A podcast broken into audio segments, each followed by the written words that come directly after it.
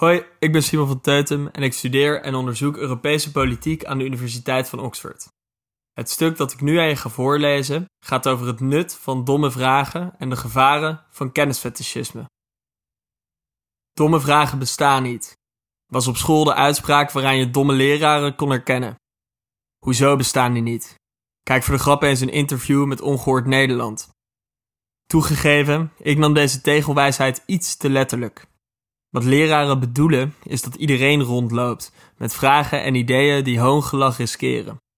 Hou je die gedachten voor je, dan blijf je in onwetendheid rondlopen.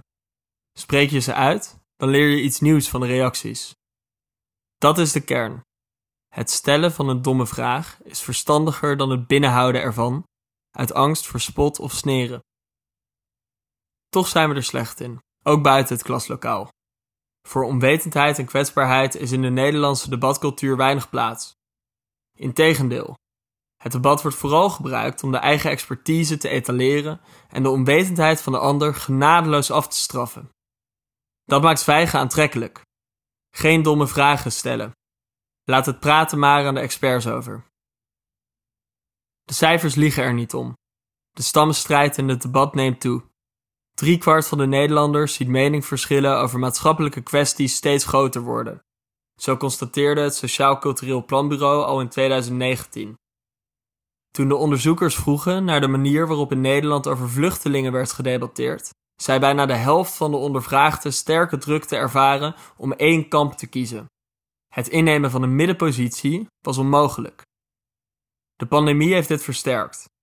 Naarmate het publieke debat ontaarde in een tweestrijd tussen medische autoriteiten versus nitwits die zich wetenschapper wanen, bleef er weinig ruimte over voor kritische kanttekeningen van deelnemers zonder zulke pretenties. Wie zich oprecht afvroeg of een QR-code wel zinvol was bij het voorkomen van verspreiding van het virus, werd al snel tot wappie gebombardeerd. Niet voor niets koos het genootschap Onze Taal deze term tot woord van het jaar. Het is ook verklaarbaar. Een luidruchtige minderheid, die zich ondanks een gebrek aan deskundigheid kroont tot rivaliserende gezagsdrager, kan tegenwicht verwachten. Het paradoxale gevolg is dat er eerder minder wordt getwijfeld aan de autoriteit van academici. Maar die tegenreactie is zelf ook niet zonder gevaar. Wanneer gezond vertrouwen in experts omslaat in blinde verering, blijft er weinig ruimte over voor bescheiden kritiek op basis van het boerenverstand. En denken nieuwsgierige ondeskundigen straks wel drie keer na voordat ze hun mond open trekken. Voor je het weet word je online gekielhaald als wetenschapsontkenner. De voorrang die experts genieten verschuift dan naar exclusieve zeggenschap, omdat buitenstaanders vrezen dat elke vorm van twijfel onbedoeld kan overkomen als misplaatste arrogantie, cynisme of nog erger, complotdenken. In zo'n wereld verliest iedereen. Het publieke debat is een tafel waaraan we niet alleen tot de beste ideeën proberen te komen, maar ook democratische vertegenwoordiging en onderling vertrouwen ertoe doen. Elk van die doelen vereist niet alleen dat jij de plek aan tafel krijgt waar je recht op hebt, maar ook dat je je daar durft uit te spreken. Niet als deskundige, maar als burger. Zelfs als het ons wel alleen gaat om het beste beleid, dan nog is niet alleen expertise, maar zijn ook persoonlijke ervaringen, perspectieven en belangen van burgers cruciaal.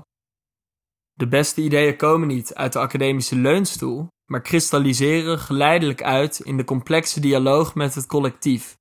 Een dialoog vol domme vragen en wankele aannames die onafgebroken aangescherpt worden. Dat weet ook Ray Dalio, die in 1975 het hedgefund Bridgewater oprichtte. Zijn filosofie is er een van radicale transparantie, waarin eerlijkheid en domme vragen centraal staan. Hij verwacht van zijn analisten dat zij zich vanaf hun eerste werkdag altijd overal uitspreken. De bedrijfscultuur is niet die van een hiërarchie, maar van een meritocratie van ideeën. De voorkennis van deelnemers is minder belangrijk. Ik solliciteerde ooit bij Bridgewater voor een stage en daar kwam deze visie duidelijk naar voren. Het interesseerde de sollicitatiecommissie niets of kandidaten iets afwisten van markten, aandelen of obligaties. In plaats daarvan werden mijn medesollicitanten en ik uitgenodigd te discussiëren over de vraag wat de mensheid moest doen als we de kans hadden om één keer terug in de tijd te reizen om iets te veranderen. En zo kreeg elke groep een filosofisch vraagstuk. Delio's meritocratie van ideeën klinkt misschien als een naïef en idealistisch experiment, maar is in feite een beproefde methode om de markt te verslaan.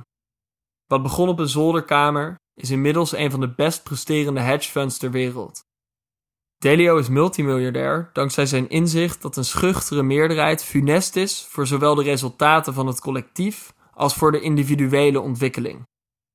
Zijn kantoor is niets meer dan een klaslokaal waar leerlingen domme vragen mogen stellen, of een publiek debat waarin schaamte het aflegt tegen onbevangenheid. Nederland kan wel een vleugje Ray Dalio gebruiken. Laat je niet ontmoedigen door kennisfetischisten die neerkijken op de amateur-viroloog van gisteren die de geopolitiek analist van morgen is. Hij of zij mengt zich tenminste in het publieke debat. Spreek je uit. Vergis je. Stel domme vragen. Kritische betrokkenheid kan prima hand in hand gaan met respect voor de autoriteit van experts. Het belang van een gezonde debatcultuur is des te groter nu het oorlog is in Europa. Durven we diep in ons eigen vlees te snijden voor sancties? Zijn wij bereid om honderdduizenden vluchtelingen op te vangen? Hebben we het lef om wapens te blijven leveren als Poetin dreigt met verdere escalatie? Het zijn vragen waar niet alleen deskundigen, maar elke Nederlander een antwoord op moet hebben.